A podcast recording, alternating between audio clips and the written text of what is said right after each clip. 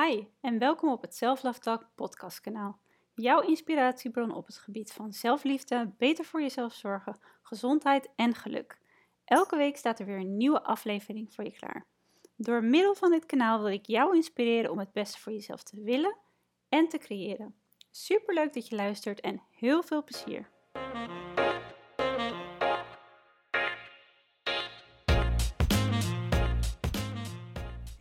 Wat leuk dat je luistert naar een gloednieuwe Self Love Talk podcast. Vandaag ga ik in gesprek met Melissa Kamstra, ook wel bekend als de handcoach. En de naam zegt het al een beetje, want Melissa weet alles over en van jouw handen.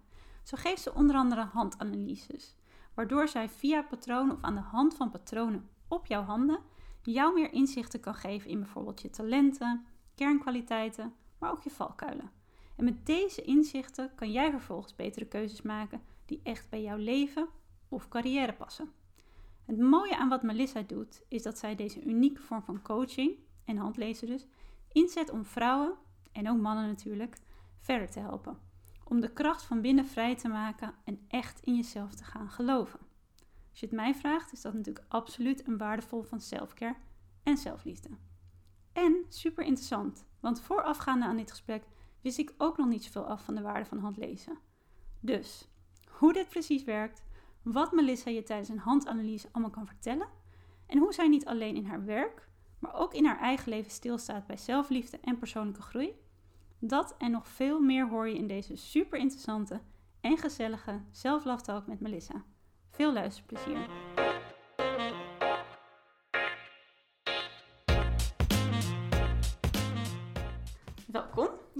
Bij de podcast. Heel leuk om vandaag hier te zijn in jouw eh, kantoortje. Ik wou zeggen op een zonnige dag, maar dat is niet helemaal waar. Het is wel echt lente weer aan het worden. Ja, precies. Heerlijk. Ja. Heb je er zin in? Ja, zeker. Als je ook weer kijkt, hè, in in- bijvoorbeeld in de elementen, dan komen we naar hè, de lente, is eigenlijk element lucht. Ja, En lucht is heel erg van een nieuw begin. ja heerlijk. Hè, we komen, dat, dat merkte ik ook bij veel mensen, dat zo in de, de winterdepressie, om het zo maar even Ja. te zeggen. Hè, de, de Ja. maanden eh, december, januari en zeker januari, februari hoor je veel mensen van, oh maar eh, de, de, de dagen duren nog zo lang en Ja. het is nog zo koud en grauw. Eh, maar ergens denk ik van ja, als, als we iets meer de boodschap van de natuur volgen, al die dieren liggen, of de meeste dieren zitten dan in een winterslaap. Dus ja, die houden zich helemaal in een allemaal kokonnetje. in een kokonnetje en die laden zich op, zodat je in de lente, en dan gaan we nu, nu ook naartoe, de bloemetjes, de bijtjes, de lammetjes in de wei. Ja, Hupsakee, we gaan weer naar buiten. we gaan een soort van weer leven of zo. Ja. We komen weer uit dat kokonnetje. Ja. Ja, Ja. precies. Ja. Ik moet ook altijd zeggen, ik heb daar ook altijd zin in. Ik voel dat ook altijd. Dat Mhm. ik denk, oh, als, zodra je die eerste blaadjes ziet, dan denk ik, yes, daar gaan we Ja, weer. ja, zeker. Ja, Het is toch ja. grappig, hè? want heel veel mensen ervaren dat zo. Dat januari en februari eigenlijk de maand zijn waar je een beetje doorheen moet. Moet, ja, Ja. Dat je eigenlijk naar buiten moet, maar je daar helemaal geen zin in hebt. Dat is natuurlijk letterlijk, als je dat inderdaad vergelijkt met de natuur, Ja, gaat dat eigenlijk een beetje tegen onze natuur in. precies. Ja. Ja, meteen super interessant. ja. Ehm, voor de mensen die luisteren, want ik ken jou natuurlijk Mhm. als Melissa en de handcoach. Ik Ja. weet dat mensen jou zo ook kennen. Is misschien leuk als jij iets meer over jezelf vertelt? Want ik vind het altijd veel leuker om van iemand anders te horen wie ze zijn, in plaats van dat ik dat ga vertellen. Ja. Ehm, dus misschien kan je in het kort een beetje vertellen wie je bent, waar mensen je mogelijk van kennen, wat je doet, waar Ja. je vandaan komt. Ja, precies. Nou ja, ehm, een klein stukje voorgeschiedenis. Want wat ik doe eh, nu in het dagelijks leven is coachen door middel van een handanalyse. Dus ik kijk naar alle tekens en lijnen in de, in de handen. En ik durf nu bijna te wedden dat er veel luisteraars zijn die meteen in hun eigen handen Ja. gaan eh, kijken. Ehm, eh, maar dat is niet zo dat ik dat nou van jongs af aan altijd al wilde. Eh, sterker nog niet. Ik kom eigenlijk eerder uit een ehm eh, ondernemersgezind eh, familie. Mhm. Deels. En ook, ehm, ik kom eigenlijk, ik ben altijd marketing communicatie gaan doen. Oh, hele andere Ja. achtergrond, Ja, zeg maar, wat zeker. dat betreft. Ja, ja, en ik werkte toen voor een, een grote retailer. Ehm, en we werkten echt 60 uur in de week, zoiets. Nou, ik vond dat op zich hartstikke leuk. En ik ging ook echt wel oprecht met veel plezier naar mijn werk toe. Maar dat hield ik, en ja, want ik had ook, nou het was niet alleen die 60 uur, ik had namelijk ook anderhalf uur heen, anderhalf uur terug reistijd. Oh, ja. En dat breekt op een gegeven moment wel op. Ja, neemt Ehm, natuurlijk heel veel tijd in beslag. Ja, precies. Ja. Dus toen ehm, nou, eh, eh, ben ik daar weggegaan. En toen ging er eigenlijk, dat begon de grote zoektocht naar mezelf. Dat Mhm. ik dacht van ja, hartstikke leuk. Eh, wat was ik? 28, zoiets. En toen eh, een aantal jaar werkervaring ook. En toen dacht ik, ja, ik kan heel erg de werkgever de schuld geven van eh, ja, harde werker en eh, er werd veel van je gevraagd. Ja. Maar ook ik stond daar zelf in. Dus ik was op zoek naar antwoorden. Nou, ik ging eerst een tijdje reizen. Nou, fantastisch mooi, hè? Stond op zo'n berg in Zuidoost-Azië. Ik dacht, nou, vanaf nu alles anders. Ja. Maar ja, dan kom je in Nederland en dan word je toch geconfronteerd eigenlijk met ja, het, Het leven hier. hetzelfde als toen ik wegging. Ja. Ehm, eh, en toen dacht ik, ja, ik kan heel mooi deze gedachten hebben gehad, maar ja, hoe, hoe ga ik dat nou echt ehm, eh, uitvoeren dan? Ja, een Eh, soort van integreren in je leven. ja, precies. Dus ik ehm, zocht daar hulp bij, verschillende coaches en ook zelfs nog een psycholoog. Maar ik had steeds niet echt het antwoord waarvan ik dacht, nou ja, daar, daar kan ik iets mee. En sterker nog, ik weet ook wel bij de, de laatste coach en die zei ook van ja, je hebt ook heel erg moeite met nee zeggen. En daar komt dan ook, want laten we wel wezen, ik had wel een soort van burn-out, was oververmoeid geraakt. Ja. Dus hij zei, daar komt dat vandaan. En toen dacht ik, dit is al de zoveelste die het zegt. Ik werd er zo recalcitrant van. Ja. Dat ik zei, nou weet je, jij denkt dat ik geen nee kan zeggen. Dit was de laatste keer dat ik hier ben geweest. Ik kom gewoon nooit meer terug. Want je kon je daar ook echt niet in vinden. Nee, nee, Nee. nee. zeker niet. En ehm, dus toen ging ik ehm, eigenlijk meer antwoorden zoeken in een wat ehm, nou ja, minder gangbare eh, weg. Ik weet ook nog wel dat ik aan een soort van slaap-yoga Oh ja, eh, eh, deed. Ja. Ik denk een voorloper van het yoga nidra van nu. precies. En ik ging ook hula hoepen, want hè, allemaal van die, van die fratsen dat je dan uit je hoofd in je lichaam komt. Ja. Ehm, en toen was daar dus ook een, een workshop eh, handlezen op de Volksuniversiteit hier in Amsterdam. En de grap is dus ook dat mijn kantoor nu daar in diezelfde Ja. straat is. Dus ik ben Ja. weer terug waar ik ooit ben begonnen. Leuk. Dus dat vind ik wel mooi. En eh, ehm, ik weet niet meer precies hoe het werd aangekondigd, maar het zal vast en zeker iets in de trant zijn van ontdek jezelf of ontdek je ware ik, zoiets. Ehm, maar ik moet wel zeggen, ik ging daar een beetje sceptisch heen, want ik wist niet wat ik kon verwachten. En ik ben iemand die vrij bewegelijk praat, dus altijd met mijn handen. Dus ik dacht, ja, dan kom ik binnen en dan zegt iemand, oh, je bent heel energiek. Ik denk, ja, nou ja, die had ik zelf ook nog wel eh, kunnen bedenken Ja. daarin. Dus ik weet nog wel dat ik expres ehm, eh, met mijn handen op mijn billen dan ging, of met mijn billen op mijn handen. Dat ik dacht, oké, niet bewegen, niet bewegen. Ehm, en we kregen een algemeen iets. En de workshop sloot af en iedereen kreeg individueel even 5, 10 minuten wat over zichzelf te horen. En wat die dame mij toen vertelde, ja, tot op de dag van vandaag ben ik nog steeds eigenlijk mindblowing. Ja. Het was zo spot on. En zij vertelde mij onder andere, ze zei, ja Melissa, je hebt een eh, lust van verantwoordelijkheid. Dus dat maakt een ontzettend harde werker van jou. Ja. Eh, waardoor je zeer waarschijnlijk uit loyaliteitsgevoel geen nee kunt zeggen en geneigd bent lange werkdagen te maken. En toen dacht ik, hé, hey, dat is nou precies, ehm, eh, toen viel het kwartje. En toen dacht ik, ja, ik heb inderdaad geen moeite met nee zeggen. Want als ik iets niet wil, dan doe ik het niet. ja. Alleen dat loyaliteitsgevoel is inderdaad Een ontzettend soort van hoog. eigenlijk wat je kracht was, draaide zij ook naar, om naar hoe dat je valkuil kon zijn. Ja, precies. Ja. ja, En toen dacht ik eigenlijk ook wel meteen, ehm, en dat staat eh, ook echt wel in mijn handen geschreven. ehm, eh, ik zag meteen kansen en mogelijkheden. Ik dacht, goh, wat jij me nog in 10 minuten vertelt, daar heb ik nou zo ongeveer drie kwart jaar over gedaan om hier te komen. Dus hoe mooi zou dat zijn als ik mensen in één sessie dit ook kan eh, Ja. geven. Dus ik meteen aan haar gevraagd, goh, waar heb je de opleiding gedaan? En dat bleek in Amsterdam te zijn. Nou, dan werd het helemaal in mijn schoot geworpen eigenlijk. Eh, en het bijzondere daarvan was nog wel, dit was zo in de zomer. En ik contact eh, gezocht met de dame die de, cursus, of die de opleiding gaf. En zij zei, ja, ik zit eigenlijk al vol. Ik zei, goh, wat betekent dat? Nou, zij zou dan starten in januari. En dat zat al vol en dan moest ik nog een jaar erop wachten. Oh. Waarvan ik zei, ja, eh, sorry, dat duurt me echt gewoon te lang. Ik ben nu enthousiast. Tot januari kan ik nog net wachten, Ja. maar niet nog een jaar langer. En toen zei ik van, kan ik misschien op de wachtlijst? En toen zei ze, ja, dat kan. Maar het is eigenlijk echt nog nooit voorgekomen dat er een plekje uitvalt. Ehm, maar goed, wie weet, ik kan altijd nog contact met je opnemen. En ik had het eigenlijk maar ook al gewoon geparkeerd. En was weer ergens ook in loondienst gegaan. Tot het eh, begin januari was. En ik gebeld werd en die dame mij opbelde en zei van ja, ehm, het gebeurt nooit, maar nu dus toch wel. Oh. En er is iemand uitgevallen, eh, alleen het begint wel over twee dagen. Eh, toen zei ik, nou, dan ga ik heel snel wat regelen. Ja, ja, ja. En want je was nog steeds zo enthousiast van Ja. dit wil ik doen. Ja. En, Ja, zeker. Ja, en ik eh, was toen ook ergens en toen werkte ik op basis van een eh, zwangerschapsverlof. En eh, toen zei ik van, goh, ja, het is een heel kort dag, maar zou ik misschien over twee dagen een vrije dag op mogen nemen? En toen gingen ze daar heel erg moeilijk over zitten doen. Maar toen dacht ik wel, ja, weet je, de kans dat ik hier over een jaar nog zit is heel klein. En de kans dat ik hiermee bezig ga zijn is zeer waarschijnlijk voor de rest van mijn Ja. leven. Dus ik wil met alle liefde meebewegen in het feit ehm, dat ik eh, over twee dagen een dag vrij kan hebben. En geef je hem niet, dan ben ik ziek, eh, zeg maar. Het voelde Ja. zo sterk als iets van dit wil ik. Nee, je dacht, dit moet ik gewoon Ja. doen. Ja, ja, ja. en eh, ze hebben toen ook uiteindelijk ook wel... Maar ja, volgens mij bleef ik gewoon doordrammen. Dus toen dachten ze ook van, oké, we geven Ga het maar. ook wel. Ja.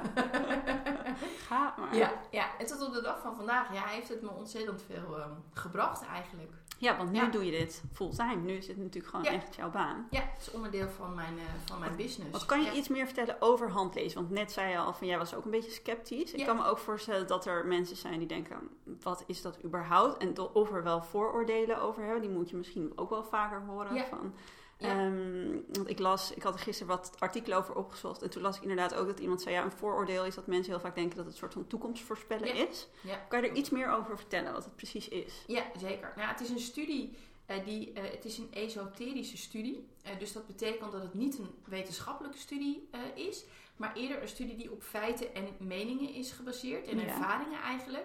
En ehm, daarbij wordt ehm, psychologisch inzicht geïntegreerd. Oh ja. Maar het is een studie die is 5000 jaar geleden ontstaan in India, in het Verre Oosten. En is toen via de handelsroutes, zeg maar zo, naar het westen ehm, eh, eh, gekomen. En in de tijd eh, van bijvoorbeeld de Romeinen, hè, ehm, eh, Julius Caesar. ehm, eh, daarvan wordt gezegd dat handlezen toen een vrij gangbaar iets was. Hè, bij het Oh. nemen van een belangrijke beslissing keek men even in de eigen handen om ja, weer even stil te staan van wie ben ik in de kern, wat past goed bij mij. En dat is iets wat ik eigenlijk vandaag de dag nog steeds mee wil geven aan de mensen.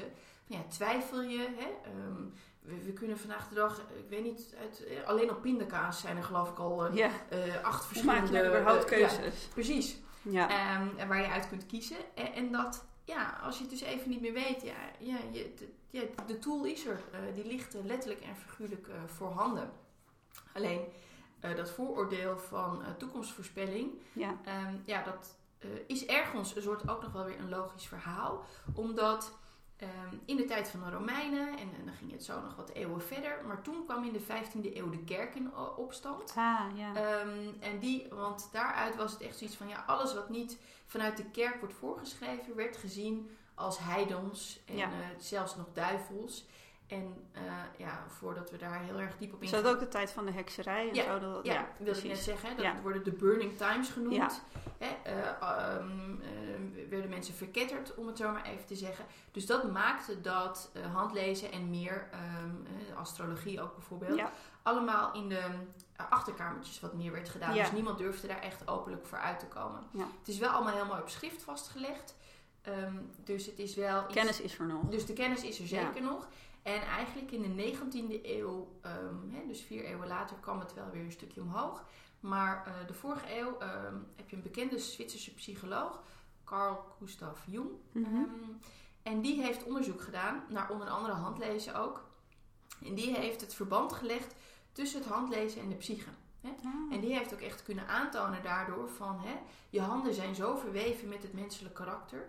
Dus het was voor hem ook een vrij eh, logisch verhaal dat er vanuit al die lijnen en tekens ehm, een betekenis eh, te vormen was. Alleen in die tijd dat het eh, door de kerk verboden werd eh, en wat meer in de achterkamertjes kwam, toen is het altijd chirologie geweest. Mhm. Maar er is op dat moment ook een soort van tweede variant gevormd en dat is chiromantie. En binnen chiromantie wordt op een andere manier naar de handen gekeken. En daar wordt dan alleen maar naar de linkerhand gekeken. Want het verschil tussen je linker en je rechterhand is... Je linkerhand is echt je meest persoonlijke hand, is de basis. Laat je je verlangens zien. En je rechterhand is meer ehm, eh, je indruk naar de buitenwereld. Ah, En eigenlijk ook weer hoe ervaart de buitenwereld mij. Hè? En bedenk ook maar dat als je je voorstelt aan iemand, je geeft altijd je rechterhand. Ja, klopt. Dus dat is een soort van stukje, ja, wat geef je weg en eh, ja, hoe ervaart nogmaals de ander jou. Ja. Terwijl je je van binnenuit heel anders kunt voelen. Hè? En dat is dus binnen chirologie van allebei de handen de basis. Maar binnen chiromantie is dat dus alleen maar de linkerhand. Omdat zij zeggen van ja, buitenwereld, daar gaat het niet om. Het gaat, Gaat om echt om jou. En zij interpreteren de lijnen dus anders. En dan heeft het veel meer, zij kijken veel meer naar tendensen voor de toekomst. Hè, niet alleen leeftijden, van hoe oud je wordt, eh, maar ook financiën, relaties, kinderen, gezondheid, eh, nou ja, noem maar op. Ehm, Want is het dan eigenlijk een tool ehm, die je kan inzetten om eigenlijk jezelf beter te leren kennen? Ja, nou, als, als we het dan hebben over girologie, dan Ja. zou ik zeggen ja. Ja. Zo zet ik hem zelf ook in. Ja. Als je het hebt over gyromantie, dan zou ik zeggen, nou ja en nee. Je kent jezelf misschien wel, maar ik vind dat binnen gyromantie heel erg veel buiten jezelf gelegd wordt. Hm. Eh, en hoe ik er veel meer naar kijk, is dat ik handlezen een hele mooie basis vind. En ik noem het dus eigenlijk ook een handvat voor de toekomst. Ja. Hè? Je weet wie je in de kern bent en wat je nodig hebt. Dan dat je handlezen gaat zien als een soort van tool voor die de toekomst aan jou gaat zitten te voorspellen. Ehm, en dan denk ik ook, of tenminste dat heb ik zelf het idee, ik weet niet of dat zo is, maar goed, ehm, dat de wet van de aantrekkingskracht een rol speelt. Want als ik jouw handen zou lezen en ik zou zeggen, god, tendens voor de toekomst is dat ik zie dat er op werkgebied, oh ja, er binnen nu en drie jaar, nou, er zijn prachtige kansen voor je. Ja, dan is er al een soort van zaadje in je hoofd ge- geplant. Ja. Maar goed, en er zijn natuurlijk hè, ehm, eh, prachtige verhalen over waarbij eh, er voorspeld is dat je twee kinderen kreeg en dat het is uitgekomen of hè, dat iemand zo oud werd. Ehm, ja, het kan, maar ja, ik, ik denk zelf heel sterk dat dit dus echt de, de verhalen zijn waarbij het toevallig eh, is, Ja. is uitgekomen. Ja, en ik snap Ja. ook wel, aan de ene kant zou ik denken van dat soort voorspellingen zijn misschien ook gevaarlijk, want het, het is, iemand gaat er misschien ook naartoe leven. Terwijl dat niet per se misschien is waar hun potentie ligt of waar echt hun verlangens ligt, maar iets wat hun verteld is, waardoor Ja. ze daar heel erg naartoe gaan leven. Dus ik kan me ook wel voorstellen dat, nou ja, dat dat soort voorspellingen je eigenlijk niet per se wil doen. Mhm. Nee, nee, nee, zeker. Nee, nee. Ik, Nee. ik brand daar letterlijk en figuurlijk eh, mijn vingers Ja. aan, eh, om Nee. het zo maar even te zeggen. Precies. Ja, nou ja, en het is natuurlijk wel zo. Eh, dat is wel ook wel weer hoe ik zelf het handlezen eh, benader. Als we het hebben over potentie en talenten en kwaliteiten. Ja. Daar hamer ik eigenlijk wel op. Dus ik kan me wel voorstellen als je een voorspelling zou doen voor de toekomst. ehm, dat daarin wel je kwaliteit eh, Ja. wordt meegenomen. Maar nogmaals, je, je zoekt het dan meer buiten jezelf. Ja. En ik vind het zo mooi dat je die kracht echt gaat voelen. Nou, dat wil ik net zeggen. Want als ik dan nu naar jou luister en denk van hoe, hoe jij dat dan benoemt, die talenten. Ik denk dat heel veel van onze eigen potentie vervullen, of eigenlijk gaan doen waar we echt goed in zijn, natuurlijk ook heel erg te maken heeft met het vertrouwen dat je voelt dat je die talenten dus ook hebt. Mhm. Want we denken wel heel vaak, inderdaad wat jij net zei, van oh hier zijn we wel goed in. Maar het vertrouwen echt voelen van, oh hier kan, dit kan ik echt naar de buitenwereld toebrengen. Of hier kan ik inderdaad anderen mee gaan helpen. Of hierdoor kan ik een echte carrière gaan creëren die ik wil. Ja. Dat stukje mist natuurlijk Ja. heel vaak. Dus de bevestiging krijgen dat dat dus ook echt in je zit. Dat kan denk ik al heel veel verschil voor iemand maken. Zeker, zeker. Ja. Ja. het is mooi dat je dat zo eh, aanvult en zo benoemt. Hè. Ik zie ook handlezen inderdaad echt als een soort van bewustzijnstoel. Ja, En 9 van de 10 handlezingen, misschien eigenlijk wel allemaal, mensen lopen hier de deur uit. Je ziet echt de lichtjes in de ogen branden en zeggen: Oh, ik voel een soort van thuiskomen, zeg maar. Dit, ja, er- er landt zoveel nu voor mij. En Ja. ik, ik snap gewoon waarom dingen voor mij belangrijk zijn. Waarom misschien andere dingen niet stroomden, maar die passen ook helemaal niet bij mij. Ja. Ja. Is het misschien ook dat mensen ervaren... Kan ik me dan zo voorstellen dat, wat jij helemaal aan het begin zei... Er, er is altijd zoveel om ons op te focussen. En zeker Mhm. in de wereld van nu, er zijn zoveel mogelijkheden. Dus wat is nou die focus? Weet Ja. je wel, die je bepaalt. En hoe... Ik kan me ook voorstellen dat dit een tool is, wat jij zegt, om bewustzijn te creëren. Hoe je nou echt dicht bij jezelf kan blijven of komen. Ja. En vanuit daaruit gaat handelen, Precies. eigenlijk. Ja, letterlijk en figuurlijk. Ja. Want wat merk jij bij de mensen, daar ben ik dan nieuwsgierig naar, van de mensen die bij jou komen? Wat zijn Mhm. meestal de vraagstukken waar mensen mee lopen? Ik kan me ook voorstellen dat mensen dit horen en denken, oh ja, dat is eigenlijk iets inderdaad waar ik ook wel mee loop. Het is vaak, ehm, eh, of het zijn nou ondernemers, ehm, en, eh, want eh, ook weer die talenten en kwaliteiten, die kan je van jezelf ook als een soort van heel normaal beschouwen. En dat Ja, is ergens ook wel weer logisch, want ja, jij handelt ook echt altijd op die manier. Ehm, maar dat maakt wel dat ik jou zou willen inhuren omwille van die kwaliteit of dat talent, zeg maar. Hè? Ehm, eh, misschien ben je iemand die heel erg goed is op strategisch niveau, ook communicatief. Nou, dat zal ik dan ook benoemen. Eh, Je hebt ook bijvoorbeeld een prachtig mooi, kun je een, eh, een pauwenoogje. Pauwenoogjes zijn de cadeautjes in het leven. Nou, elke vinger heeft een bepaalde, ehm, staat voor een bepaalde karaktereigenschap. En je pinken gaan heel erg over communicatie. Nou, als jij een pauwenoogje hebt op je pink, dan heb je eigenlijk een bijzondere gave voor het spreken. Nou, dan geef ik ook aan de mensen mee van, ja, dat, dat is heel natuurlijk. Je kan een publiek eh, echt letterlijk en figuurlijk om je vinger winden. En een publiek kan natuurlijk twee mensen zijn. Het kan ook een soort van dat je de nieuwe Oprah Winfrey wordt. ja, Weet ik het, het maakt mij niet uit. Maar vind je publiek. eh, zeg maar. En dat mensen dan zoiets hebben, oh ja, daar stond ik eigenlijk nooit zo bij stil, maar ik heb wel eens een presentatie gegeven. En toen kwam mijn leidinggevende naar me toe en die zei van, ja, dat moet je vaker doen. Of, uh, hè, waar, nu heb ik dan weer in loondienst, maar het kan ook gewoon zijn als ondernemer. Ja. En dat ik dan zeg van, ja, maar dat, dat is juist je kernkracht. Zet dat echt centraal. Ehm, en wat betreft dan weer... dus het zijn eigenlijk vaak carrièrevraagstukken, om het zo maar even te zeggen. Ja. Zijn er ook vaak mensen, of zijn er ook mensen, of vrouwen, zijn er meer vrouwen die dit doen trouwens, of mannen? Ja, dat wel. Ik merk wel echt dat de mannen steeds geïnteresseerder hierin Ja. zijn. Gaan er steeds meer open voor staan. Ja, precies. Ja. Ja, maar die, die doen nog wel een, een, een beetje lacherig. Ik weet nog, even- ik, toevallig eh, had ik van de week op LinkedIn een bericht gezet.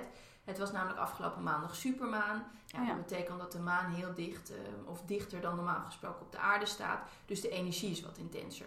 Dus ik vroeg zoiets als van, goh, hè, heb je het, eh, ben je wat eh, prikkelbaarder vandaag? Reageer je wat emotioneler? Hè? Dan kan de maan, want tijdens volle maan is de maan volop in haar kracht aanwezig. Dus dat kan je voelen. Ja. En toen reageerde iemand daarin van, ja, ik vraag dit niet voor mezelf, maar voor een vriend. Maar ja, zou je dan een Tesla via de maan kunnen opladen vanavond? Toen dacht ik, ja, Als in de auto. Tesla. ja, de auto Tesla. En toen dacht ik, was dus ook een man. En toen dacht ik, ja, nou ja, goed. Dit is dan weer typisch zoiets waarvan ik denk, Ja. nou, oké, het, is, eh, het is misschien grappig bedoeld. Maar dat ik dan denk, ja, jongens. Hè, Ja, het is niet een hele open blik. Nee, nee, nee, precies. Eh, Creatief wel. ja, ja, ja, ja, ik vond Ja. het ook wel ergens eh, grappig. Dus ik had ook gereageerd van, goh, zover ik weet heeft een Tesla geen maanpanelen. dus ik zou lekker gewoon hè, eh, eh, de, de elektriciteit Mhm. blijven gebruiken. Maar eh, het laat maar weer eens zien, zeg maar, dat er is toch ergens interesse gewekt. Want anders reageer je niet op zo'n bericht. Absoluut. Maar aan de andere kant is het zoiets van, ja, we gaan toch een beetje eh, trekken en teasen van, ja, wat zit er nou, eh, wat, wat is dit nu echt? Ja, zeg en ik wilde wel toch op reageren, maar Ja, ja. blijf wel een beetje sceptisch. Ja, Ja. grappig. Ja, en ik moet wel zeggen dat ehm, voorheen deed ik ook nog wel eens wat duo-handanalyses. Dus een man Oh en een vrouw of misschien vriendinnen. Ehm, maar omdat mijn, mijn interesse heel erg ligt op carrière, eh, doe ik dat wat minder. Eh, tenzij je collega's van elkaar bent of, of ehm, eh, hoe noem je dat met een BV'tje? Ehm, Ja, precies. Dat je echt partners bent. partners bent Ja, inderdaad. ja. Dan vind ik het nog wel echt interessant om te kijken van hoe kunnen we de samenwerking veranderen. Maar goed, in het begin was het ook echt nog een man en vrouw. En er was een keer een, een vrouw en die zei: Ja, ik denk dat mijn man hier echt heel erg behoefte aan hebben. Maar als ik het van tevoren zeg, dan gaat hij niet met me mee. En toen dacht ik wel: Oh jee, ik weet niet helemaal of ik hier de, op zit te Oh, die man zit dan opeens daar. Ja, precies. Dus die man inderdaad komt ook binnen en, en nou, ze vertelt, nou, wat ga je dan doen, eh, zeg maar. Dat is ook altijd zo'n raar verhaal, dat je dan ergens binnenkomt en dat je denkt, ja, ja ik ben geen stripper of wat dan Nee. ook. Hè. Ik, eh, je moet het gewoon even met mij doen. Eh, en toen zei die man echt zo, oh, hier zit ik zo niet op te wachten. Dit is echt drie keer niks voor mij. En een beetje ook een beetje bozig naar die vrouw toe van, ja, hoe, ja wa- waarom denk je nou dat dit is, iets wat is? En zij ook zoiets van, nou ja, eh, onderga het eerst. En toen zei ik ook van, nou weet je wat, we maken altijd eerst handafdrukken. Eh, laten we dat gewoon doen. Ehm, dan, dan vertel ik even 5, 10 minuten iets. Als je dan nog steeds denkt van, nou, dit vind ik niks, weet je, ik geef je ook nog een kop koffie. Dan eh, ga je lekker terug, eh, dan gaan jullie lekker eh, naar buiten toe, midden in het centrum van Amsterdam. Lekker kop koffie drinken Precies, en genoeg lunchtentjes, je krijgt je geld terug en dan gaan jullie lekker met z'n tweeën lunchen. Nou, hij zei, nou oké, prima, zo kan ik me er wel een beetje voor de openstellen. Dus wij dat gedaan zo en ik ben vijf minuten bezig en echt eerlijk waar, binnen vijf minuten begint die man, wordt hij gewoon heel erg emotioneel, begint hij te huilen. Oh, echt? En toen zei hij, dit is eigenlijk, ik had niet verwacht dat het zoiets moois zou zijn. Om eerlijk te zijn, zit ik loop ik momenteel in een burn-out. Heb ik gesprekken met de coach. En zij benoemde wel wat dingen. Maar doordat jij het nu echt ziet in mijn handen, snap ik nu eigenlijk waar dingen vandaan komen. En voel ik me voor het eerst in mijn leven echt gezien. Dus ik Ja, vond dat is ook heel mooi, mooi. natuurlijk. Ja, ja. Ook misschien wel omdat heel veel eh, mensen de angst natuurlijk ervaren om echt jezelf te zijn. precies. Ja, En het feit dat, dat jij dan natuurlijk ehm, op een hele soort liefdevolle manier laat zien van wat er allemaal in hem zit, ja bijvoorbeeld. precies. Waar hij mee aan de slag kan. Het is natuurlijk een hele mooie manier om dat te ontvangen. Ja, zeker. Zon- Ja. Zonder dat je dat eigenlijk op dat moment, natuurlijk, je maakt de keuze om zo'n handanalyse aan te gaan. In ieder geval voor hem werd de keuze gemaakt. Ja, Maar zonder dat je zelf eigenlijk echt het werk moet doen, eigenlijk Mhm. zelf moet gaan graven, Ja. word je dat eigenlijk soort van aangereikt en gezegd van nou, kijk maar wat je hiermee wil doen en kijk maar of je je hierin herkent. ja, precies. Want ik kan me ook wel voorstellen, en daar hadden wij het natuurlijk net al over, over het onderwerp selfcare. Mhm. Ehm, want hoe zet jij zeg maar, het lezen van handen of wat jij mensen geeft echt heel erg in op het gebied van selfcare? Want ik kan me ook wel voorstellen dat mensen door de inzichten die ze daaruit halen, dat juist heel erg op zichzelf, of dat ze op die manier beter voor zichzelf kunnen gaan zorgen. Is dat ook hoe jij dat ziet? Ja, wat jij met mensen aan mensen geeft, zeg maar? Ja, inderdaad, want binnen de ehm, handlijnkunde, de westerse handlijnkunde, eh, volgen we de vier elementenleer. En dat eh, de elementen zijn dan aarde, water, vuur en lucht. En je kunt ervan uitgaan, hè, het is ook een eh, Griekse filosoof, lang geleden die dit ook heeft ontdekt. Eigenlijk alles en iedereen op de aarde bestaat uit deze elementen. Dus al die vier elementen heb je in je. Maar door te kijken naar de huidpatronen, dus de tekens op je vingertoppen, kom je erachter welk element bij jou de overhand heeft. Oftewel, waar zitten echt je kernkwaliteiten en wat zet je van nature uit volledig in? Nou, ik zelf heb ontzettend veel vuurtekens, dus ik ben echt een vurig type. ehm, en wordt versterkt door een aantal andere zaken in mijn handen. Dus als ik een idee heb, net zoals dat ik eigenlijk dat vertelde met hoe dat dan ging bij de eh, workshop handlezen. Ik heb een idee, ik ga er ook meteen voor en Ja. ik wijk er bijna niet meer van af. Nee, precies. Dat is een hele mooie kwaliteit, maar aan de andere kant zorgt het er wel soms voor dat ik vergeet de rust te bewaren in dingen. En als je dan ook weer kijkt naar die elementen, de, de tegenhanger van ehm, vuur is aarde. En aarde, vergelijk aarde maar bijvoorbeeld weer met een, ehm, ja, de, de planeet aarde waar wij ook op leven. Alles groeit en bloeit. Maar aarde neemt wel de tijd ervoor, Ja. zeg maar. Ehm, en om dat dan mensen daarin mee te nemen van, goh, hè, nogmaals, ik, ik vertel de talenten en kwaliteiten.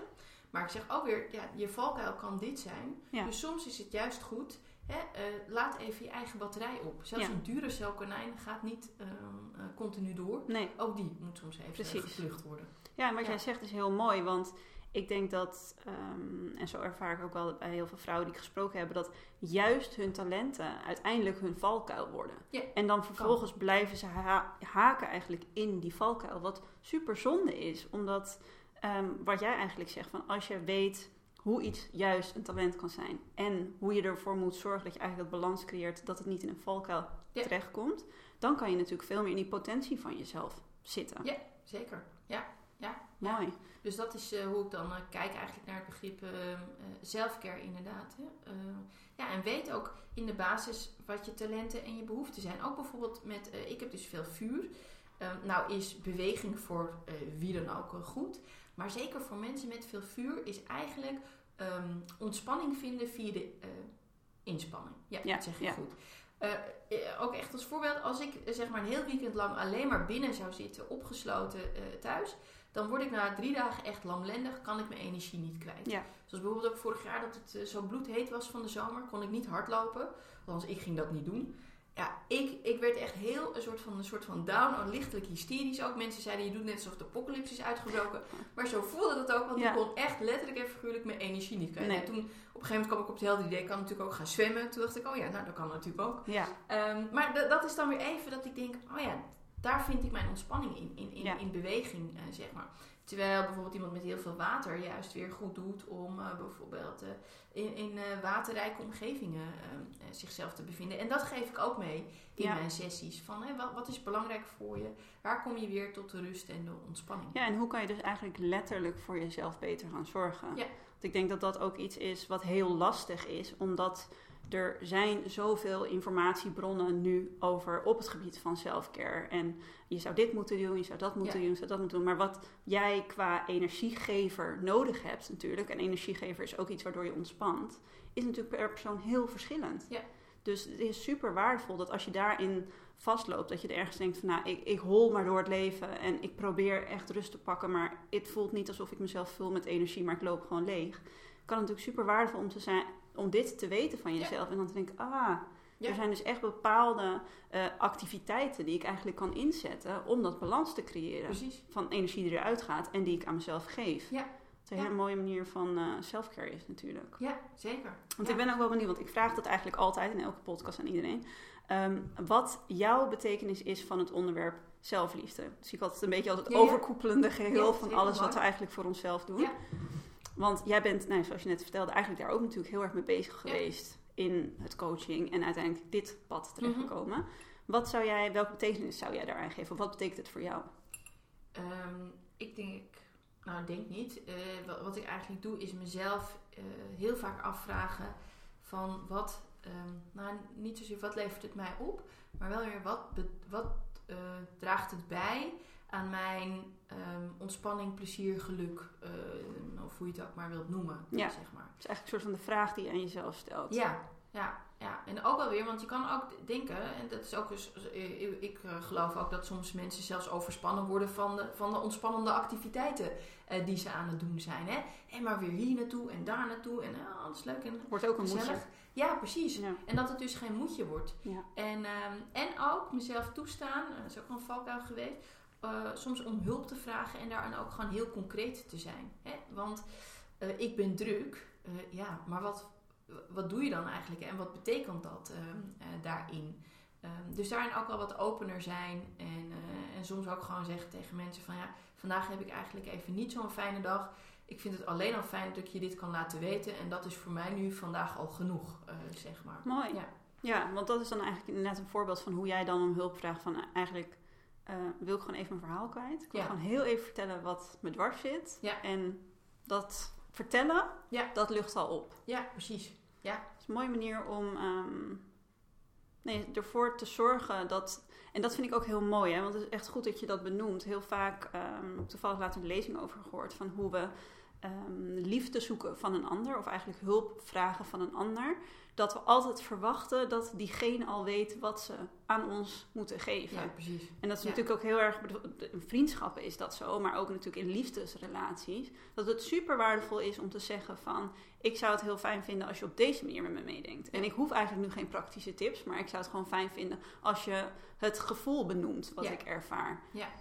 Merk jij, doe je dat ook heel bewust in verschillende relaties in je leven, in verschillende vriendschappen of zet je dat vaak Ehm, bewust in? Ja, dat denk ik eigenlijk wel, inderdaad. Ik moet wel zeggen dat ik ehm, ehm, zeker het begrip zelfliefde en zelfcare is voor mij heel erg groot geworden toen ik eh, nu bijna vier jaar geleden mijn moeder eh, verloor. En ik ben mijn vader al eh, lang geleden verloren en opa's en oma zijn er ook niet meer. Dus toen, het moment dat mijn moeder ehm, ja, overleed, had ik echt heel erg het gevoel van: oké, ik sta nu echt letterlijk en figuurlijk alleen op de Ja. wereld, want alles achter me dat bestaat niet meer. Eh, en zeg maar, is, is er niet meer. Ehm, en toen heb ik heel erg de drang gehad van ik wil alleen nog maar. Hè, en dat is, dan, dan zeiden vriendinnen, oh wat, wat vervelend voor je. Of dan collega's. En die krijg je dan zoiets, ja mijn opa. En dan denk ik, ja jouw opa, maar je hebt nog gewoon je vader en je moeder. Ja. En dan denk ik, dat is het niet. En dus toen eh, zocht ik het heel erg in mensen die ook geen ouders meer hebben. Eh, en gelukkig voor heel veel mensen komt dat dus nog niet zo heel erg vaak voor. En toen was ik, ben ik echt, ik denk wel twee, drie jaar lang heel erg boos geweest op de wereld. En dat ik echt dacht van ja, ten eerste waarom moet mij dit overkomen? En ten tweede, niemand snapt mij. Ja. Totdat ik daar in een soort van, ehm, ja, in een, in een groepssessie eh, ben geweest. En daarin ontdekte van ja, wat voel ik me eigenlijk? Ik voel me soms eenzaam en alleen. Maar al zit je in een relatie eh, en al heb je wel ouders, eh, dan kun je je ook eenzaam en alleen voelen. Dus ehm, om even je vraag te beantwoorden, zie ik hem nu veel meer van wat is de gemeenschappelijke delen in het, in het gevoel eh, eh, wat we hebben. Want eh, ja, nogmaals, voor mij dan dat eenzame gevoel, dat kunnen we allebei ervaren. En dat hoeft niet per se te betekenen dat je daardoor geen ouders meer hoeft te Ja. hebben. Mooi. Ja. Ook hoe je op die manier dus eigenlijk veel makkelijker, even tussen haakjes, de verbinding met iemand kan vinden. In plaats van je dus eigenlijk te focussen op de situatie of het probleem, hoe het eruit ziet. Meer te kijken naar wat is nou de achterliggende emotie Ja. waar ik eigenlijk mee vol zit. En ehm, hoe kan ik mensen vinden die daar ook mee struggelen? Want Ja. natuurlijk inderdaad wat je zegt, eenzaamheid of verdriet. En dan op verschillende vlakken, verschillende situaties. Is natuurlijk iets wat we eigenlijk allemaal wel herkennen. Ja. Dus als je dat inderdaad naar elkaar veel meer benoemt van dit is wat ik voel. Dan is het denk ik voor een ander ook veel logischer om daarop te kunnen reageren. In plaats van inderdaad in jouw situatie je vertelt van nou ik sta alleen in de wereld en dit en dit is er gebeurd. Dat mensen dan denken, oeh ja, dat, dat ken ik inderdaad niet. Maar eenzaamheid voelen of verdriet Ja. of rouw, dat wel. ja, precies. Een mooie manier om, nou ja, inderdaad, die zelfliefde stil te staan bij jezelf en dat te kunnen delen ook met een ander. Ja, klopt. Ja, Ja, dat vind ik. En ik, ik weet ook nog wel dat een vriendin toen op een gegeven moment ook zei van... ehm, eh, dat ze zei, nou weet je wat... ehm, ik kan niet beloven dat ik altijd reageer. Maar als je je zo voelt, app me in ieder geval. Want dan ben je tenminste je verhaal kwijt. En hoef je er niet zelf mee te lopen. Of je doet een spraakbericht, zeg Ja. maar. En overigens reageert ze wel altijd. Ehm, maar dat was voor haar meer zoiets van: oké, dan kan ik mezelf wel ook weer voor haar zelfbescherming. Ja. Hè? En Dus vond ik ook wel mooi. Ja. En voor mij zoiets dat ik denk: oké, er is altijd iemand waarop ik kan eh, terugvallen. En Ja. dat eh, is voor mij al genoeg. ehm, ja, die maar. wetenschap. Ja, Ja. Ja, ja. Dat is, maar dat denk ik dat heel veel mensen dat herkennen. Vaak is het uiteindelijk niet eens per se nodig dat we weten wat de ander te zeggen heeft. Precies. Maar het feit dat iemand er is, Ja. is natuurlijk. En weten dat iemand er is of zijn hand uitreikt, want dat doet zij in dat geval. Ja. Zo van, nou goed, ik ben er misschien niet altijd meteen aanwezig, maar ik ben er wel. ja, precies. Dat is Ja. heel mooi. Ja, zeker. En ik denk dus ook echt oprecht, als we het hebben over, over zelfliefde, dat, eh, dat het ook belangrijk is dat je voor jezelf veel duidelijker maakt van wat is nou eigenlijk mijn behoefte. Ja. Want inderdaad, je voelt je verdrietig eh, Ja. en je voelt je alleen. Eh, maar ja, wil je op dat moment een arm om je heen? Of wil je dat iemand misschien gaat koken hè, of voor je zorgt? En ook wel weer, hè, soms zeggen mensen ook wel van ja, ik voel me niet lekker, ik heb zorg nodig. Dan denk ik ja, maar welke zorg heb je nodig? Wil, je- wil je dat ik nu voor jou sinaasappels ga halen? Ja, Wil je dat ik naast je bed ga zitten? ja, Eh, en ik vind ook echt wel dat, eh, dat het twee kanten, tweeledig is. En Net in het verhaal van die vriendin is dat een mooi voorbeeld. Als iemand ook een beroep doet op jou, ja. dan mag je ook gewoon zeggen van ja, wat je nu van me vraagt, vind ik misschien niet duidelijk, want ik heb geen idee waar je behoefte aan hebt. lastig. Of ik vind het lastig, of Ja. ik kan daar niet in mee. Eh, maar dat je daarin ook wel begrensd mag raken. Want ik had toevallig ehm, eh, van de week weer een gesprek met iemand en die zei van ja, het gaat eigenlijk niet zo lekker. Maar met mijn vrienden gaat het nu ook niet zo lekker, dus ik kan bij niemand terecht. Maar dat ik denk, ja, eh, ik ken die vrienden natuurlijk niet. Maar nu vul je al in dat zij sowieso ook niet voor je kunnen zorgen. Ja. Wie weet kunnen ze dat wel. Ja, Ehm, ehm, maar misschien niet op het niveau dat jij het wilt. Ja, dat, dat weet je al. Maar we zijn zo geneigd allemaal om in te vullen. ja, we willen meteen die zekerheid soort Ja. van creëren. Ja. Onszelf eigenlijk beschermen voor wat er mogelijk in de toekomst gezegd kan worden. Dat iemand dus van die vrienden al aangeeft van nee, ik eh, heb hier geen zin in. Dat we het al invullen dat we eigenlijk denken dat we onszelf beschermen. Dat zelfliefde is daarin soms ook een hele kromme manier van jezelf beschermen. Kan Ja. het ook zijn. Terwijl inderdaad openstaan voor de ander en eigenlijk meer benoemen wat er in je omgaat. In plaats van misschien ook heel praktisch je verhaal te gaan vertellen, maar meer te benoemen waar, wat er Ja. bij je gebeurt. Zeker. Ja. Dat kan natuurlijk voor een ander al veel meer soort van een ingang geven ook om er voor je te zijn. Ja. Maar wat jij zegt is ook heel mooi. Ik heb daar in mijn boek ook heel veel aandacht aan besteed. Hoe zelfliefde niet alleen de relatie met jezelf is, maar ook met de ander. Mhm. En niet alleen naar hoe jij naar de ander toe bent, maar ook hoe de ander naar jou mag zijn. En hoe Ja. je daar zeg maar je weg samen in kan vinden. Zeker. Ja, mooi. Dus mooi, mooi hoe je dat ook aankaart, hoe je dat inderdaad met die vriendin samen doet. Dat je allebei kan aangeven wat je zelf nodig hebt, maar ook dat je aangeeft nou ja, wat je voor de ander kan doen, maar ook wat voor jou goed voelt. Ja.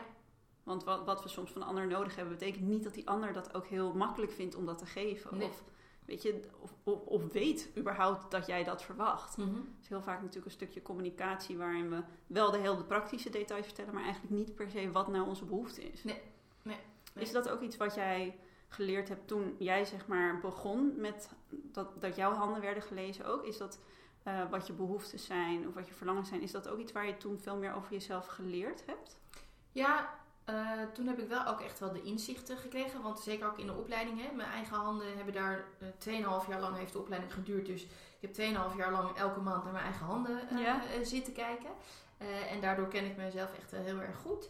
Ehm, maar ik denk ook wel dat ehm, eh, de rouwperiode na het overlijden van mijn moeder daar heel erg eh, ehm, een rol in heeft gespeeld. En gek genoeg heb ik het er nu wel eens ook met mijn broertje over dat ja, als het kon, dan, dan zou ik zo mijn moeder weer terug eh, hè, willen toveren. Maar toch denk ik dat haar overlijden op de een of andere manier ook een les voor ons is Mhm. eh, i- in dit leven. En dat we, sterker nog, die les eigenlijk niet voor onszelf moeten gaan houden. Ehm, maar die ehm, aan anderen eh, eh, meegeven. En de belangrijkste les daarin was dus dat ik dan dacht van, "Uh, ik ben helemaal alleen. En dat iemand zei, ja, maar hoe ehm, lang je dat ook gaat roepen, er gaat helaas nooit iemand uit zichzelf aan je deur kloppen. eh, als je niet aangeeft wat je nodig hebt, eh, zeg maar. Dus Mooi. ja, ik zie dat nu ook wel iets als eh, waarvan ik denk, nou, dat mogen we wel ja, wat, wat duidelijker doen. En ook, en, ja, en jezelf ook gewoon toestaan, gewoon een keer een kruis in je agenda te zetten. Weet je, je denkt allemaal maar, het moet nu en, en mensen verwachten dit van mij. nou ja, verwachten ze dat ook echt? Ja. Ja, jezelf misschien toch een beetje af en toe die liefdevolle kritische vragen stellen. Ja, Waardoor je niet jezelf bekritiseert, maar wel aan het denken zet van nou, hoe ik nu mijn leven leef. Ja. Is dat het beste voor mij eigenlijk? Ja. precies. En we Ja. denken heel vaak inderdaad wat jij zegt van dat we niet van het spoor af kunnen, want het moet zo. Maar moet het soms ook echt zo? Precies. En van wie moet het dan eigenlijk? Hè? Dat is ook nog zo'n mooie, mooie vraag die je zelf... eh, Ja, vaak onszelf. stellen. Ja, precies. Ja, daarom. Ja, Ja. ja. Ja, zeker. Ja, en dat is ook, hè. ehm, in, in, ik heb ook een, eh, een zelfkerkaart te zetten vorig jaar ontwikkeld. En eh, toen ik daarmee bezig was, ehm, ja, ik doe veel dingen op het gebied van spiritualiteit, dus vind veel dingen interessant. En zo ook de numerologie. En als je kijkt in de numerologie heb je dubbele getallen. En dubbele getallen zijn meestergetallen en hebben altijd een les in zich. En toen kwam ik erachter dat het dubbele getal 33, dat de les daarvan is dat je net zoveel houdt van jezelf als dat je van anderen doet. Dus Oh ja. dat- waar zelfliefde dus eigenlijk de basis is. En waarvan ja, eh, men ook zegt van ja, als jij je eigen behoeften kenbaar maakt, dan kun je ook eigenlijk de liefde ontvangen die je nodig hebt. Ja. Dus toen dacht ik, oké, ehm, ik wist nog niet precies hoe de kaarten eruit zouden zien. En hoe dat zich allemaal ging vormen. Maar dat er 33 kaarten gingen worden, dat was één ding wat zeker is. Oh, mooi. Ja. Ja. Dus, eh, Leuk hoe je dat dan ook, als je daar eenmaal voor open gaat staan voor zo'n onderwerp, dat je dat dus ook in veel meer dingen gaat terugzien. Zeker, ja. Ik denk dat dat wel er ook heel erg mee te maken heeft met. En daarom vind ik dat handlezen ook zo interessant. Omdat ehm, het is inderdaad iets wat je jezelf gunt. Om voor een soort van nieuwe informatie over jezelf ook open te staan. Mhm. Ik denk dat ehm, dat je heel erg kan helpen om juist te gaan groeien als persoon. Ja. Ik denk dat we heel vaak er tegenaan lopen. Wat ik ook heel, van heel veel mensen meekrijg. Dat op een gegeven moment maak je een soort van de keuze van dit is wie ik ben. En dat blijft zo. Ja. Een soort van je moet binnen die kaders blijven. Terwijl met dit soort informatie, wat heel praktisch kan zijn vanuit je handen, is het natuurlijk eigenlijk heel mooi om te kijken hoe je buiten die kaders juist kan groeien en soort van je leven meer kan verrijken. Ja. Ja. Ja. Is dat, merk je dat ook, want de, de mensen die bij jou zo'n handlezen komen doen, ehm, hoor je daar ook nog vaak van terug wat ze dan daarna eigenlijk er allemaal mee doen? Ehm, ja, eh, zeker. Eh, ik deed wat. eh, poeh, ja, ik heb zoveel voorbeelden, maar bijvoorbeeld een, een, een, een, een dame die is hier geweest en ik zag in haar handen terug dat ze met een bepaald teken heel erg goed is in bemiddelen. Dus ik benoemde dat zo van haar en eh, ze werkte binnen een bedrijf. Ehm, maar nou, ging ze ook niet zo helemaal, eh, het stroomde niet helemaal lekker om het zo maar even te zeggen. En toen zei ze wat grappig, want de HR-dame had mij eigenlijk al geadviseerd wat meer de HR-kant ook op te gaan. En misschien juist ook wel eh, arbeidsconflictachtig Oh. iets, zeg maar. En toen appte ze me toch een half jaar later en dat ze zei, nou je raadt het nooit, ik heb de opleiding gestart, zeg maar. Als in, ik weet even niet meer hoe die heette, maar wel eh, die kant, want ze zei van ja, het, je was de tweede die het me vertelde, maar daar, dat niet alleen. Eigenlijk ook liet jij me echt inzien dat het iets voor mij is. Ja, Ehm, van jou ook. Ja, precies. Dus eh, dat. En vanochtend kreeg ik ook weer een berichtje van iemand, daar had ik het mee over gehad, van ja, zoek het wat meer in de, in de creativiteit. eh, laat daar je ontspanning eh, voeren. En toen zei ze van ja, lieverd, ik wil je toch nog even laten weten, ik ben nog steeds heel erg blij. En ik ga nu, heb me opgegeven voor een artklas. En ze zei, ik ga er open in en heb geen eh, verwachtingen ervan. En toen dacht ik, ja, daar hebben we het namelijk ook over gehad, over je valkuil. Oh, Dus, hè, dus ik zei ook meteen, doe dat ook. Want Ja. art gaat niet, eh, het gaat erom dat je iets mag creëren. Er moet niets gecreëerd te worden. Dus Ja. ehm, was weer mooi eh, daarin. Ja. Leuk. ja, dus ik hoor vaak ehm, eh, eigenlijk, en dat, dat is wel weer te- het, ehm, bijzonder genoeg terug te herleiden aan bijvoorbeeld de hoofdlijn. Heeft iemand een korte of een lange hoofdlijn? Nou, als iemand een lange hoofdlijn heeft, dan weet ik al, oké, dit is niet iemand die eh, meteen volgende week, volgende maand een verandering gaat doorvoeren. Dit heeft even tijd nodig. Ja. Maar het maakt ook allemaal niet uit, je hebt je eigen pad. Maar het is heel vaak dat ik berichten terugkrijg en dat mensen dan toch zeggen van... Oh ja, ja het, he- het is wel de katalysator geweest van een nieuwe, Ja. een nieuwe Balletje wending. soort van gaat rollen. Ja, ja. Ja, ja, en daarbij moet ik ook wel zeggen, wat ik namelijk zelf ook doe, tijdens de sessie mag je een opname maken. Dus de geluidsopname heb je eigenlijk voor de rest van je leven. eh, Heel fijn natuurlijk Ja, ook. Ja, ja. en eh, ik geef je handafdrukken mee in een mooie bewaarlijst. En daarvan zeg ik ook, Ja. nou, zet die eigenlijk ehm, centraal neer voor jezelf. Of het nou in de werkkamer, de toilet of eh, weet ik veel, in, de, in je slaapkamer is, maakt mij het uit. Maar, maar elke keer als je langsloopt, dan word je elke keer een beetje zo'n signaaltje in je hoofd Ja. dat je denkt, ah ja, dat was het. En soms is dat dus dat je dan weer bedenkt van, oh ja, hier ben ik goed in, zeg maar. Mag ik niet wegwijven? Uh, uh, zeg maar, of is zonde om dat weg te wijven? En aan de andere kant kan het soms weer een beetje zoiets zijn van... Ja, was weer even in mijn valkuil getrapt. Nou ja, dat hoort nou eenmaal ook een beetje bij me. Hè? Um, even relativeren. Ja, precies. Ja. Mooi, want dat is inderdaad een van de hele simpele oefeningen die ik ook in mijn boek heb. Die zal jij ook wel kennen. Dat je uh, of een poster of iets wat je iets wat helemaal voor jou staat. Of, of een, een post-it op de deur met een liefdevolle quote. Dat je ook weer een soort van jezelf herinnert aan uh, een complimentje dat je jezelf geeft. Of dat je het waard bent, dat je goed genoeg bent. En dit is natuurlijk ook eigenlijk iets waarbij je continu, want de hele achterliggende dag daarachter is natuurlijk dat je even stilstaat bij jezelf. Precies. Weet je, dat we, we hollen heel vaak door de dag heen, zijn heel veel bezig met externe dingen. Er zijn natuurlijk heel veel verwachtingen, mm -hmm. heel veel to-do's, heel veel verplichtingen, heel veel mensen die dingen van je vragen. Maar dat soort reminders zorgt even voor dat je denkt, oh ja, even bij mezelf inchecken. Ja. Inderdaad, ik mag goed voor mezelf zorgen. Of waar ben ik nou eigenlijk goed voor? Maar mag ik meer uh, mijn energie naartoe sturen? Of als je nou niet lekker in je vel zit, je denkt, moet eigenlijk inderdaad nu heel veel aan mezelf afvragen. Wat zit me nou eigenlijk dwars? Wat jij net ja. zei. Van, en wat draagt er op dit moment wel of niet op positieve manier Precies. bij aan mijn leven? Ja. Ja. Mooi. Ja. Ja. Het is ook eigenlijk wel uh, een cadeau dat je aan jezelf doet. Vind ik ook. Ik. Ja, Toch? zeker. Ja. Ja. Ja, uh, de, helemaal mee eens. En het is... Um, en het duurt negen maanden tot, tot een jaar dat, dat je verandering kunt zien in je handen. Dus er zijn wel bepaalde lijnen die, die kunnen veranderen. Ja, want dat wilde ik je nog vragen. Want ja. blijft je handstructuur of de lijnen, die, blijft dat altijd hetzelfde? Nou, de handvorm um, en, en, de tekens op je vingertoppen bijvoorbeeld, dat, dat, uh, dat zal niet meer veranderen. Uh, sterker nog, hè, daarom is uh, je vingerafdruk ook zo'n interessant identificatiemiddel. Ja. Want als jij je hand uh, of je vinger sorry, zou verbranden tot de derde graad, dan komt gewoon datzelfde huidpatroon, alles komt gewoon weer terug. Ah. Uh, zeg maar. Dus het zit echt heel erg in jouw uh, DNA verweven. Maar uh, stel je voor bijvoorbeeld um, iemand is oververmoeid, een beetje burn-out. Nou, dan, dan is het vaak dat je in de handen ziet echt een soort van weerwar van lijnen. Mm -hmm. Nou kan ik me voorstellen dat als je nu naar je handen kijkt, dat je denkt... Nou, Sowieso een weerwar van... Ja, precies. Hè? dus niet iedereen nu meteen denkt, ik heb een burn-out of zo. Um, maar um, ik, ik, weet waar ik het over heb. En als jij echt dat patroon aanpakt, dan zul je zien dat na verloop van tijd, en echt na een jaar, misschien anderhalf, je handen, en je gaat weer opnieuw een handafdruk maken, je handen enorm uh, rustiger uh, zullen zijn geworden. Wat grappig. Ja. ja. En dat zie je natuurlijk ook, want jij zegt die afdruk zie je er nu ook in staan. Ja. Dat zie je natuurlijk dan ook heel duidelijk terug en dan Ja. kan je dat ook vergelijken met elkaar. Precies, daarom zeg ik ook van, hè, stel dat je ooit nog, een keer, nog eens eh, zou willen komen, en of dat nou bij mij is of bij een andere handlezer, maar bewaar wel echt je handafdruk en neem het mee. Dit is echt je blauwdruk.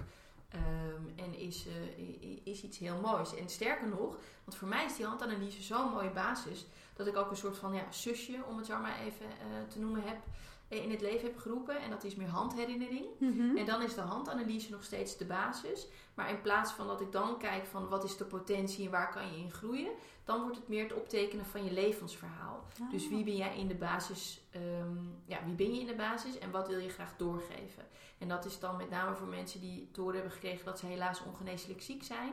Maar zodat dat jouw kennis, jouw mooie levenslessen mooi. eh, altijd ehm, bewaard eh, eh, zullen blijven. Ja. ja. ja. Dat is Ja. natuurlijk een behoefte die heel veel mensen voelen. Gewoon überhaupt iets willen meegeven aan Ja. het leven of hun afdruk soort van achterlaten. Ja. Heel mooi. Ja, ik kwam, daar, ik kwam daar eigenlijk op omdat, nou ja, ik heb nog net wel de handafdrukken van mijn moeder gemaakt. want ik was toen wel bezig met de opleiding. En nou ja, ik heb dus helaas geen geluidsopname van, van mijn moeder. Eh, maar ik zou dat zo mooi vinden, ook voor andere mensen. En ik kan het dus nu zelf aan mijn mogelijk toekomstige kinderen vertellen. Ja. Want bepaalde lijnen en tekens in je handen zijn erfelijk. Dus het zou zomaar kunnen Oh. dat misschien eh, hè, ehm, eh, een kind ehm, eh, tekens heeft van opa of oma. En dat je dan als ouder zijnde Ja, kan zeggen, of, of van de broer kan natuurlijk ook, of van de partner, dat is ook nog iets heel moois. En dat je dan kan zeggen, nou eh Fritsie, ik moet maar even een naam noemen, hè, eh, kom eens lekker op schoot en we gaan eens even luisteren hoe, eh, hoe, hoe, hoe je vader, moeder, opa en oma Ja. daarmee omging. En, en, en dat je dan dus ook hoort van iemand. Bijvoorbeeld ik met al mijn vuur zou ook echt als, als, als, als mee willen geven van... Ja, ondanks dat je enorm lekker gaat op keihard eh, rennen en vliegen... neem soms een stapje terug. Want gek genoeg kan je dan veel, dan kan je veel makkelijker twee stappen vooruit, zeg maar. En dat zou ik dan mee willen geven aan, eh, aan, aan mensen die ook Van de jongere generatie. Of... Ja, ja, Heel precies. mooi. Ja, Ik kan me ook voorstellen dat het bijvoorbeeld heel leuk is om te doen met je moeder nog. Ja. Of met je vader inderdaad. Om te kijken van, hé hey, wat grappig, wij lijken hierin heel erg op Zeker. elkaar. En hoe, ehm, ik kan me ook bijvoorbeeld voorstellen dat ik, ik lijk in mijn- bij mijn vader en moeder allebei wel op elkaar. Maar dat het heel leuk is om van hun te horen van, hoe zijn zij nou met die eigenschappen eigenlijk door het leven gegaan en wat is, hebben ze daarvan geleerd? precies. Ja, ja, dat is een beetje meer de, eh, meer de achterliggende gedachte. Omdat er, ik heb een keer, een, eh, eh, ja, toen was mijn moeder dus net een half jaar overleden. En toen las ik in de krant een, een gezegde. En blijkbaar komt het dus ook voor in de film Coco, de Disney film. Dat en men er vanuit een bepaald geloof van uitgaat dat je in feite twee keer in het leven sterft. De eerste keer als je ziel je lichaam verlaat. Oh En de tweede gehoord, keer ja. als je, eh, als je naam voor het laatst wordt uitgesproken. En toen had ik dat gelezen. En toen dacht ik, nou ga ik er alles aan doen dat mijn moeder de naam voor eeuwig wordt eh, ver- vereeuwigd, eh, Ja. zeg maar, daarin. Dus daar komt dat ehm, eh, heel erg Mooi. vandaan. Ja, Heel mooi. ja, Super, ik vind het super interessant. Ik dacht, ja, ik volgens mij Ja. zit het wel weer drie ja. te kletsen. ja, het gaat heel snel. Ik Ja. dacht, het enige wat nog denk ik handig is voor mensen om te weten hoe, waarom ze ehm, of wat jij ze precies kan vertellen. Want je zei al van nou, we kunnen kijken naar op het gebied van carrière, talenten. Ehm, is het ook inderdaad om jezelf dus beter te leren kennen qua karaktereigenschappen? Wat als mensen denken van oké, zo'n handanalyse, dat zou ik eigenlijk wel interessant vinden, want ik merk dit en dit en Mhm. dit. Wat kunnen ze nou heel concreet eigenlijk te weten komen? Ik denk even zo sec in de basis, eh, dat je jezelf heel, veel beter op waarde leert te schatten. Dat je echt ziet van dit is mijn unieke ik, zeg maar. Hier, dit heb ik te geven aan de wereld. Ja. En aan de andere kant is het ook weer, en dit wil ik ontvangen van de wereld. Hè? Ah, Want ja. ook wel weer, wat heb je dan eh, nodig ehm, eh, daarin? En dat dat een mooie samenhang is. Want wat ik dan ook echt nog wel aan, aan de luisteraars wil meegeven. Kijk, je hoofd denkt. Hè? Dan kun je allerlei gedachten hebben en, en dingen die je heel graag zou willen doen. Nou ja, vervolgens heb je je hart en daar zitten je zielsverlangens. Dus dat wat je heel graag wil. Maar om echt daadwerkelijk daar iets mee te gaan doen, ja, je handen zorgen daarvoor. Hè? In het woord handelen zit ook tot actie overgaan. Ja. Dus ja, nogmaals, twijfel je, eh, sta je op een soort van zijspoor, weet je het even niet. Ja, in je handen vind je echt de antwoorden die je daarin nodig hebt. En als je die antwoorden hebt, ook ik maak dat nog regelmatig mee, dat ik dan weer iets heb gedaan of, of dat ik het even niet meer weet. En dat ik denk, oh ja, ik pak even mijn handafdrukken erbij of gewoon mijn handen. En dat ik denk, ja, ja dit is voor mij weer iets, iets, iets belangrijks wat ik, ehm, wat ik nodig heb in het leven of, of wat ik wil gaan doen. En het geeft meteen zo'n stuk, zo enorm veel rust. Ja, dat kan ik me ook voorstellen. Ja. Ja, het is eigenlijk gewoon een hele mooie manier om even weer dicht bij jezelf te komen. Ja. In een wereld waarin er zoveel gevraagd wordt. Precies. En waarin je eigenlijk qua gedachten altijd all over the place Ja. moet zijn ook. Ja. Ja. Mooi. Ja. Nou ja, super interessant. En even belangrijk voor mensen om te weten, waar kunnen ze jou vinden? Hoe zouden ze eventueel kunnen benaderen? Want ik weet, de handcoach is natuurlijk op Instagram. Ja, maar ook gewoon een, een website waarin eh, alle informatie wordt gegeven. Dus www.handcoach.nl. Ehm, en eh, mocht iemand nog een vraag hebben of wat dan ook, Ja. eh, stuur gerust een, een e-mail. melissa.handcoach.nl Dat vind ik alleen maar leuk. Leuk. Dus, eh, ja. Nou, mocht je dit luisteren, dan weet je dat. Je kan altijd contact zoeken. Dan gaan wij hem afsluiten, denk ik. Want volgens mij zijn we al een tijdje aan het kletsen. Dankjewel in ieder geval voor deze zelflaftalk. ja, heel graag gedaan. Mooi.